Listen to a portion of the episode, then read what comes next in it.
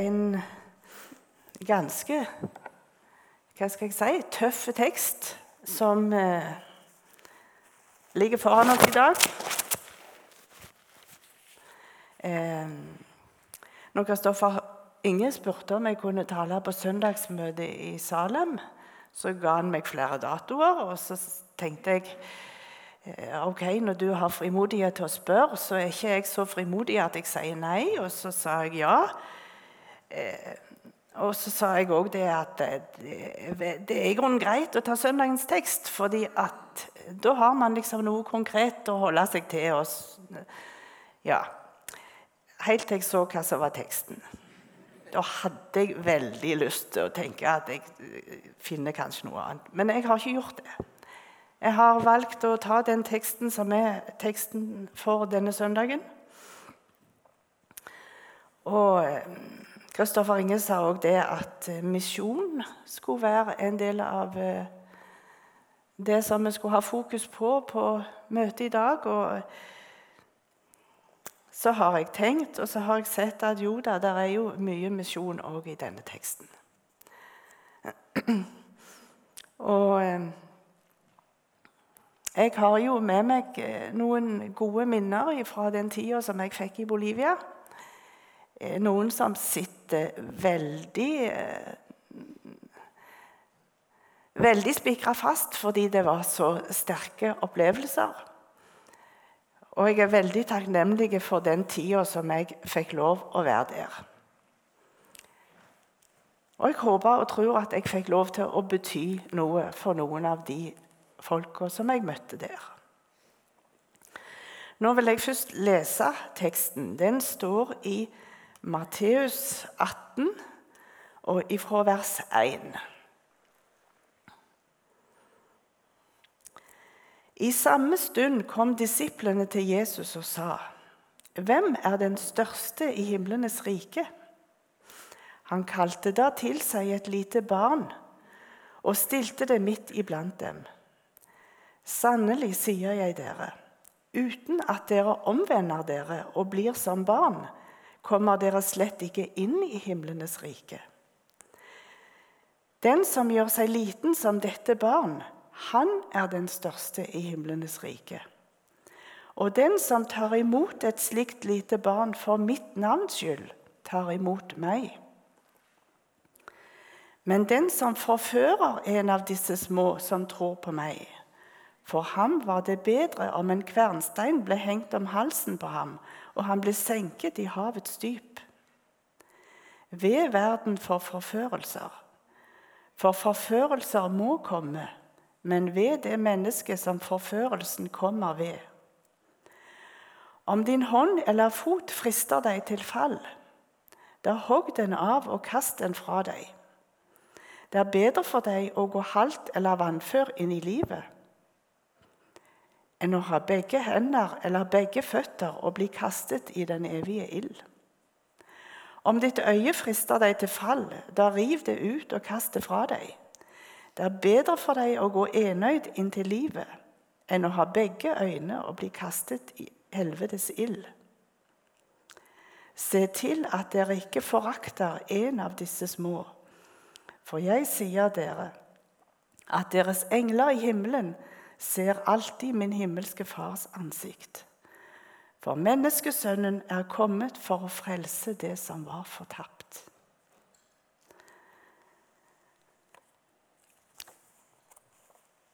Teksten starter med et spørsmål fra disiplene. Hvem er den største i himlenes rike? Det var helt tydelig noe som disiplene var opptatt av. Og det var ikke den eneste gangen heller at de, de brakte dette temaet på bane. Å være størst, best, viktigst, ha den beste posisjonen. Det var tydelig at det betydde mye. En dag hadde de vært ute og gått. Og Så spurte Jesus hva var det dere snakket om på veien. Men de ville ikke si det engang. For de hadde nemlig snakket om hvem som var størst iblant de. Og mora til, disse, mora til to av disse disiplene, CBDU-sønnene, hun hadde så store ambisjoner om sine sønner og så store tanker om dem at hun mente de måtte få sitte ved siden av Jesus i himmelen. Én på den høyre og én på den venstre sida, og det ba hun om. Og kanskje hadde de så store tanker om seg sjøl òg. Det er rart å se hvordan Bibelen ofte snur ting på hodet i forhold til hvordan vi mennesker tenker. Det å være stor i menneskets øyne, det er å være rik, ha makt og posisjon, ha oppnådd noe som vekker begeistring, være noen som andre ser opp til. Og Ofte er det gjerne folk som trenger stor plass. Og kanskje til og med av den typen som blir store med å trykke andre ned. Har makt over andre. Gud han ser helt annerledes på oss mennesker. Det er veldig mange eksempler i Bibelen som viser oss at Gud tenker helt annerledes. Han tenker ikke sånn som oss. I Det gamle testamentet er det veldig mange eksempel på at Gud brukte de som var små i egne øyne. Kong Saul han fikk beskjed av Gud så lenge du var liten i egne øyne, da kunne jeg bruke deg.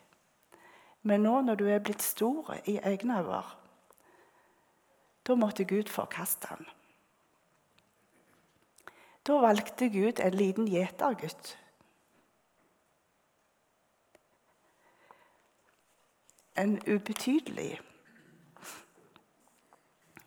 liten David til konge. Det står at han var en mann etter Guds hjerte. Han var heller ikke fullkommen. Det mangla det mye på. Men han kom alltid tilbake til Herren.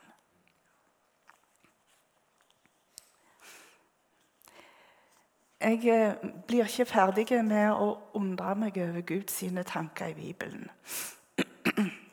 En skulle nesten tro at disiplene til Jesus hadde lært noe. De hadde jo sikkert lest historien og hørt historien, Israels historie. Men det var tydelig at de hadde ikke forstått. Jesus han gjennomskuer disiplene sine. Han ser bak fasaden. Han vet hvordan de tenker. Og for Jesus er det viktig at de får snudd denne tankegangen.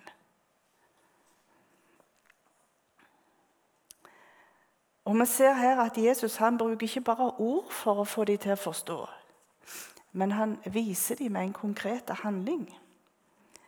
Jesus kaller til seg et lite barn. Et lite barn, står der.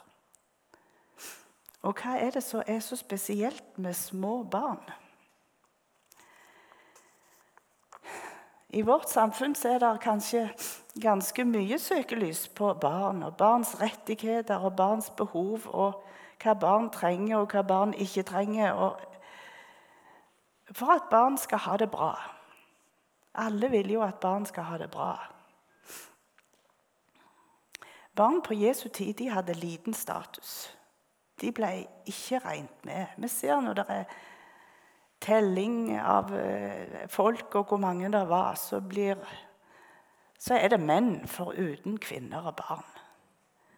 Barn var ikke viktige. Og jeg tenker Det må ha vært ganske sjokkerende for disiplene å høre det som Jesus sa om barna. Uten at dere omvender dere og blir som barn så kommer dere ikke inn i himlenes rike. Jeg tenkte på det omvende seg.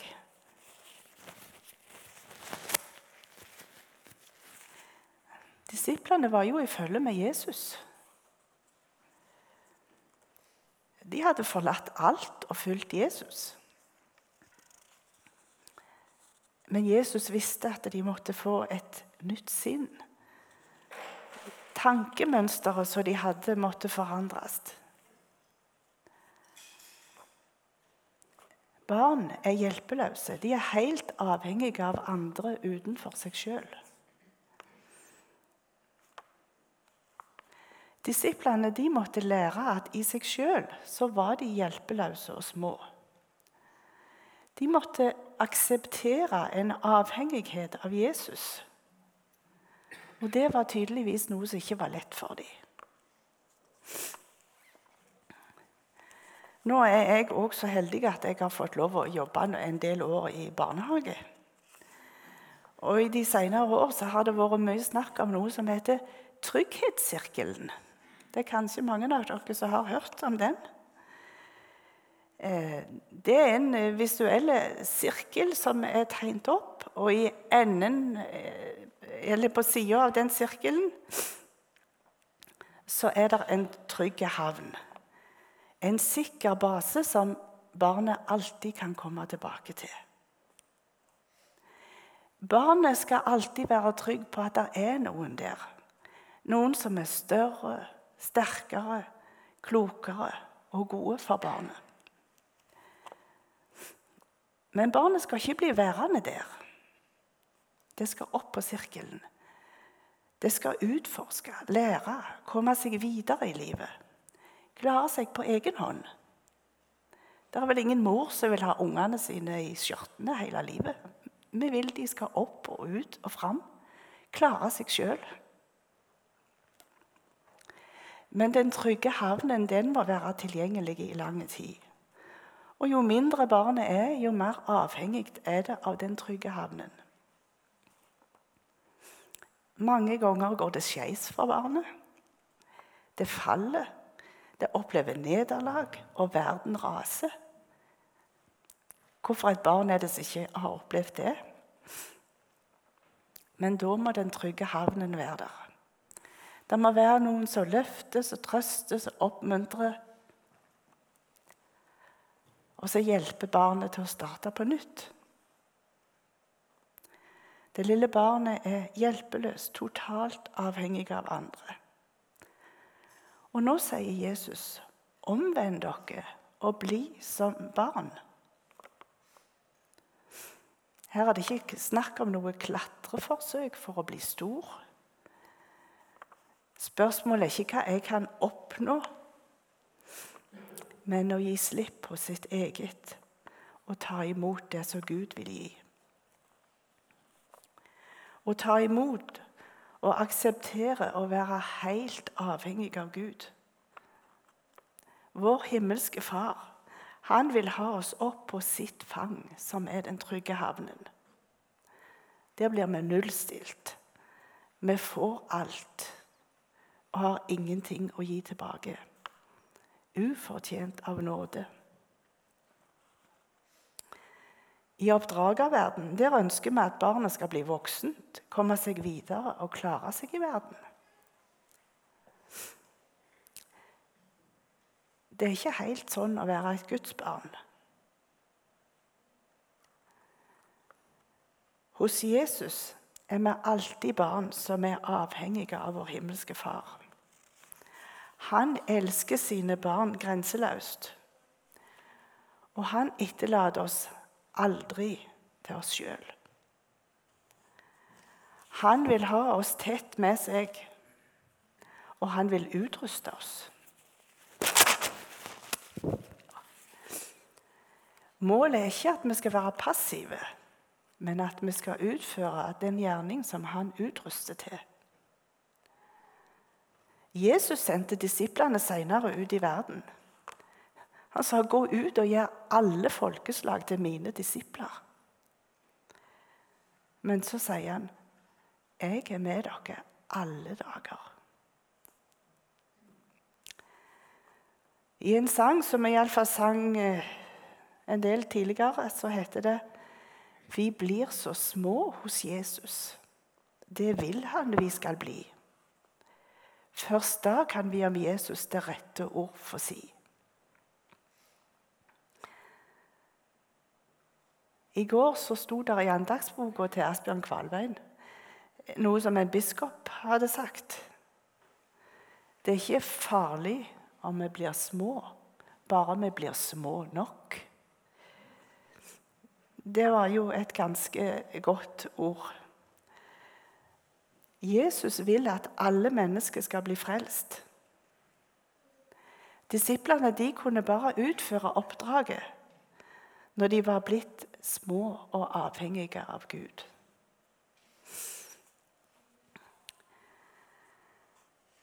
Nå har jeg lyst til å ta dere med litt til Sør-Amerika, til Bolivia. De siste åra jeg var der ute, så bodde jeg i en by som heter Sokre. I den byen var det veldig mange studenter og de kom både fra byen og fra bygdene og landsbyene rundt. Mange av de ungdommene som gikk i kirka vår i Soka, de kom ifra landsbyer som lå eh, 20-30 mil lenger sør.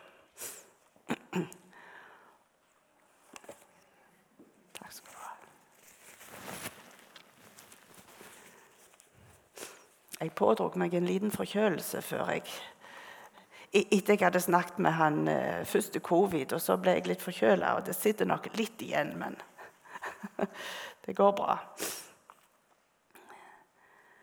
Eh, disse ungdommene de hadde veldig lyst til at vi skulle besøke heimplassene deres. Og jeg var jo så heldig at jeg fikk lov å dra til disse, disse landsbyene og bygdene og møte mange forskjellige folk. Mor til hushjelpa mi hun kom fra ei sånn lita bygd. Og vi ble invitert til huset hennes. Eh, et Ja, det var ikke spreke hus. Det var jordgulv og jordvegger. og Det er mulig det var takstein på taket, men det var ganske fattigslikt. Eh, hadde samlet, hun hadde samla en del kvinner der i eh, huset sitt i et rom. Det rommet var forresten både en liten kafé Det lå eh, med hovedveien. og Der stoppet gjerne lastebilsjåfører og fikk seg et måltid mat og, og litt hvile før de dro videre. Og ja, det var både stue og kjøkken og alt i det rommet. Hun hadde samla disse kvinnene og eh, spurte om jeg ville komme på besøk. Jeg var i lag med noen nasjonale medarbeidere på disse turene. For de hadde Ja, hun sa vi har så mange spørsmål, sa hun. I Bolivia der er det sånn at de aller fleste de er knytta til den katolske kirka. Men det som blir praktisert, det er jo en blanding av gammel overtro og katolske tradisjon. Og for mange så gjør dette livet til disse fattige folka veldig vanskelig. For det kreves så mye av dem. Både tror de at Gud krever mye, og Kirka krever mye av dem. Og kunnskapen om Jesus, sånn som vi leser om han i Bibelen, den er veldig liten. De feirer jul, men eh, da sier de ikke at de feirer jul. De feirer barnet. Og når jeg kom til Bolivia første julen, så lurte jeg jo veldig på hva dette her var. Det barnet. Noen spurte meg om skal du òg feire barnet. Jeg forsto det etter hvert. Eh, dette barnet det er nemlig ofte ei dokke som er lagd av gips. Og Den stiller de opp når det er jul, og pynter som ei slags julekrybbe med masse Ja, de har litt sypressgreiner og litt eh, pynt og litt mat og litt forskjellig så de stiller opp med denne dokka. Og så er det sånn i disse bygdene at en familie, en familie hvert år må lage fest for dette barnet. Og det går på rundgang. Og den familien som det er sin tur å lage fest, De må stille opp med masse mat og drikke, ikke, ikke bare til seg sjøl, men til naboer og familie og gjerne hele, hele bygda eller landsbyen. For hvis de ikke gjør det, så er troen at da kommer dette barnet tilbake og straffer dem. Det kan være sykdom, det kan være uår på potetene, det kan være ulykke og masse forskjellig som, som kan skje. Og så er det jo den som da eventuelt ikke har gjort det som krevdes, som får skylda. Og det kan være ganske tøft. Så de tør ikke la være, for de er redde. Noen setter seg til og med i stor gjeld for å lage disse festene for å gjøre det som de er pålagt.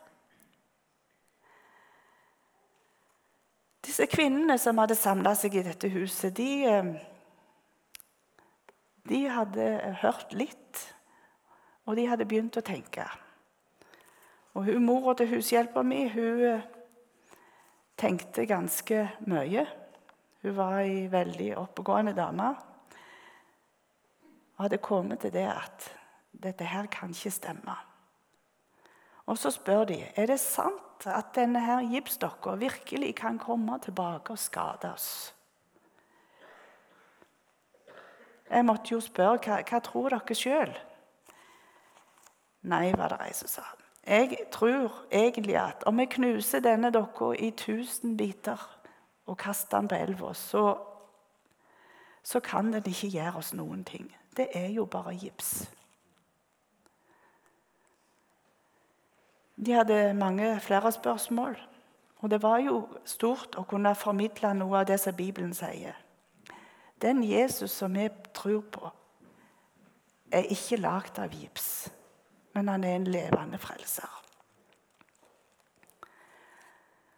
Og etter vi hadde sittet der en stund og snakket, så, så,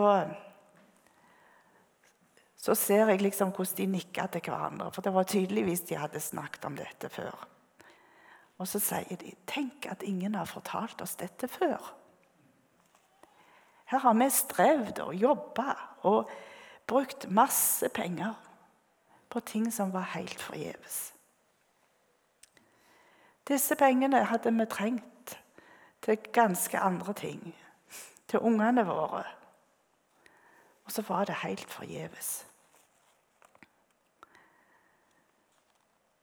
Når jeg leste denne teksten og leste om når Jesus snakka om disse små, så tenkte jeg jo det, det, er jo barn. Men så tenkte jeg det er like mye alle de som andre ser ned på. Alle de som i menneskers øyne er små.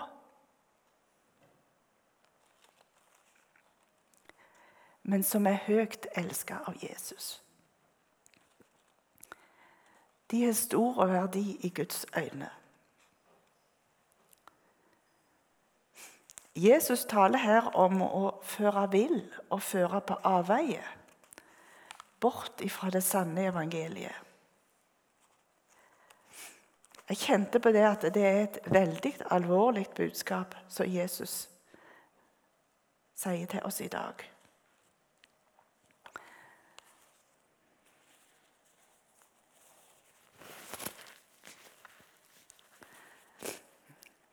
Jeg hørte for en del år siden en, en preken over denne teksten.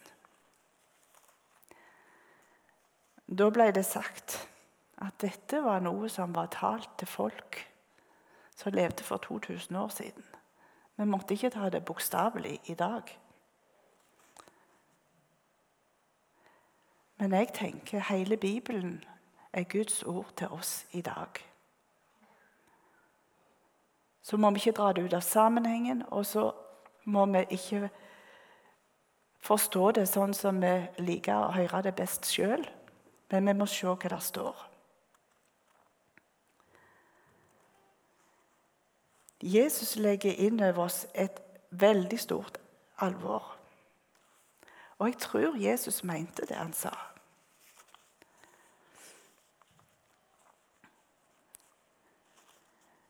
Nå er det ikke sånn at noen blir frelst av å være uten en arm eller uten en fot eller uten et øye eller å være handikappa. Men det som Jesus vil si, er hvor viktig det er. Og hva som er det viktigste i livet. Det er bedre å gå glipp av noe på jorda enn å miste det evige livet. For det verste som kan hende et menneske, hva er det? Det må jo være å gå fortapt.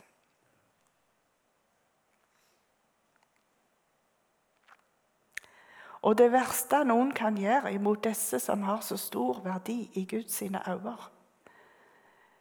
men som kanskje ser små ut i verdens øyne, det må jo være å villede vekk fra Jesus. Det får store konsekvenser, sier Jesus.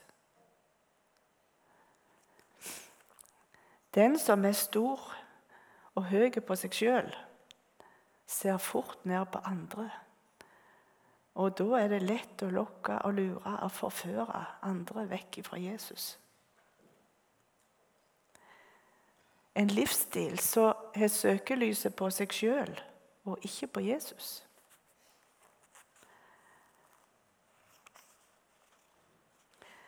Det er dramatiske advarsler som Jesus gir til sine disipler, som også viser oss at livet absolutt har to utganger. Det går an å gå fortapt. Og det ser ut som det går an å gå fortapt for en som sjøl trodde han var i lag med Jesus. Disiplene fulgte jo Jesus. De hadde forlatt alt og fulgt Jesus.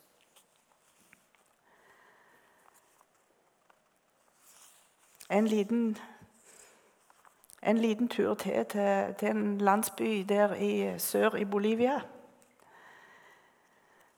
Det kom en dag vi var på besøk der og hadde møter. og Vi hadde gjerne film, Jesus-filmer, det var litt populært. Det kom de gjerne for å se, men ellers så Når den katolske presten hadde fått vite at det var evangeliske møter, så ga han folk beskjed om at hvis de gikk på de evangeliske møtene, så var de ikke venner med han. Da ville ikke han hjelpe dem. Så det var mange som ble redde.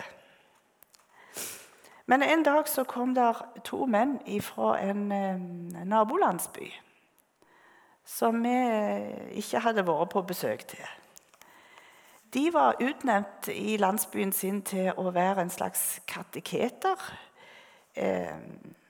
De, de, de hadde fått opplæring og, og, skulle drive litt med opplæring av folk i landsbyen sin.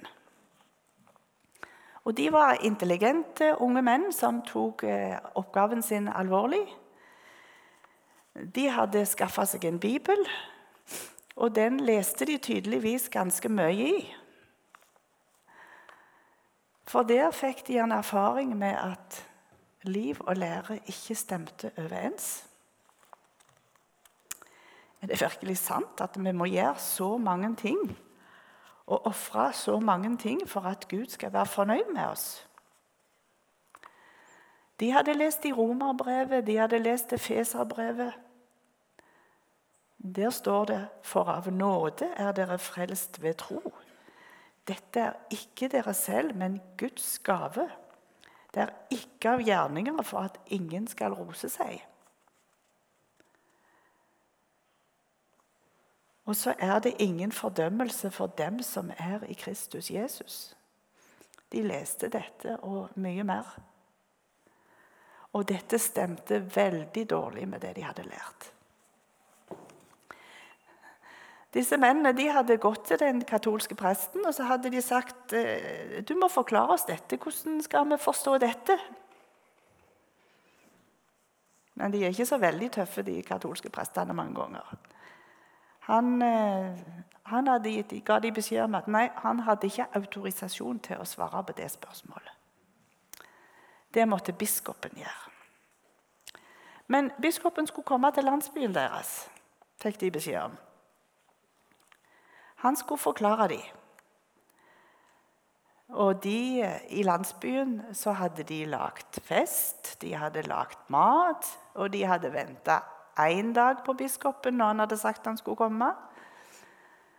Men han kom ikke den dagen, og neste dag så eh, tenkte de da kom han sikkert da, men han kom ikke da heller, og han kom ikke. Han kom aldri. Og jo mer begynte de å tvile på det som de før hadde lært. Det stemte ikke med det som sto i Bibelen. Og nå ville de lære mer om Bibelen. Det er mange som blir villeda. Og jeg tenker det er ikke bare i Bolivia at folk blir villeda. Jeg tenker at i vår tid så er det veldig mye som arbeider målretta med å dra mennesker bort fra Jesus. Og kanskje er barna våre spesielt utsatt. Og jeg tenker Vi må være våkne, og vi må be om at vi må få lov til å være veiledere. Og ikke stå i fare for å villede. Og da må vi bli som barn, som Jesus sa. Og vi må bli små nok, som, han, som det sto i andakten.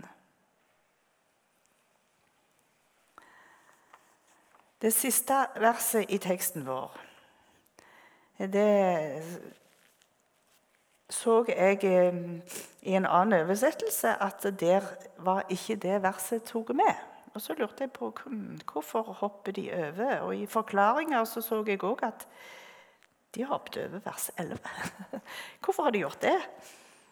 Og Da så jeg det eh, sto forklaring at det var et vers som ikke var tatt med i de eldste håndskriftene som var skrevet av Bibelen. Eh, I mange av de var det ikke tatt med. Når jeg leste teksten her, så tenker jeg det verset det står her. Det er et ord av Jesus, der han sier Menneskesønnen er kommet for å frelse det som var fortapt. Det står flere plasser i de andre evangeliene at Jesus sier det. Og jeg tror det er riktig å ta det med her òg. Jesus kom for å frelse det som var fortapt.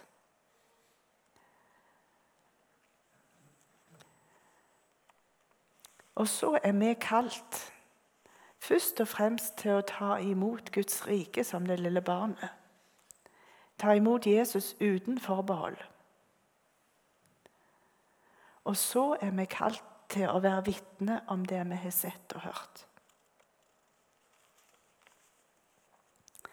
Jesus sendte sine feilende disipler ut i verden, og han sa, 'Jeg er med dere.'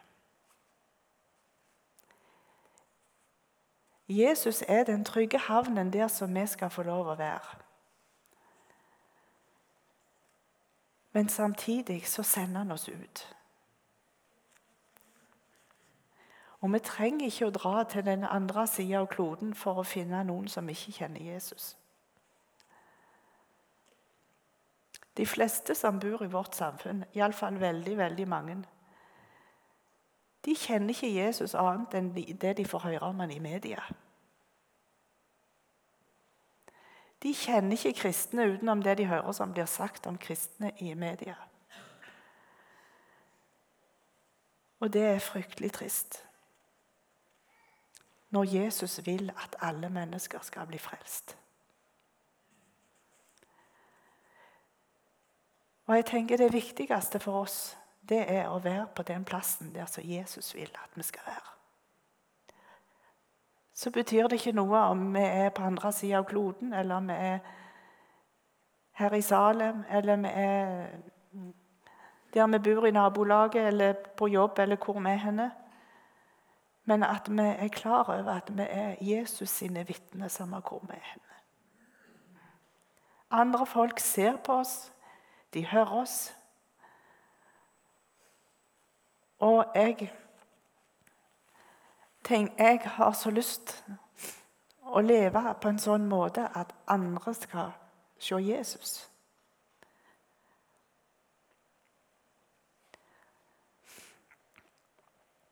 Vi må bli så ydmyke at vi alltid er avhengige av Jesus som vår store frelser. At Jesus alltid er den trygge havnen som vi kan få lov til å hvile i. Så får vi de oppgavene som han vil utruste oss med. Kjære Jesus, jeg har lyst til å takke deg for at det er sant, det som står i ditt ord.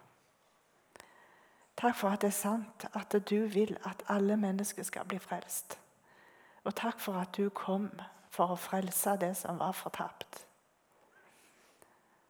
Jesus, jeg ber om at du må med din Hellige Ånd utruste oss til å utføre den gjerning som du vil. Takk for at vi skal få lov å sette vår lit til deg i alle ting. Hjelp oss til å leve på en sånn måte at andre får lyst til å følge deg, Jesus. Amen.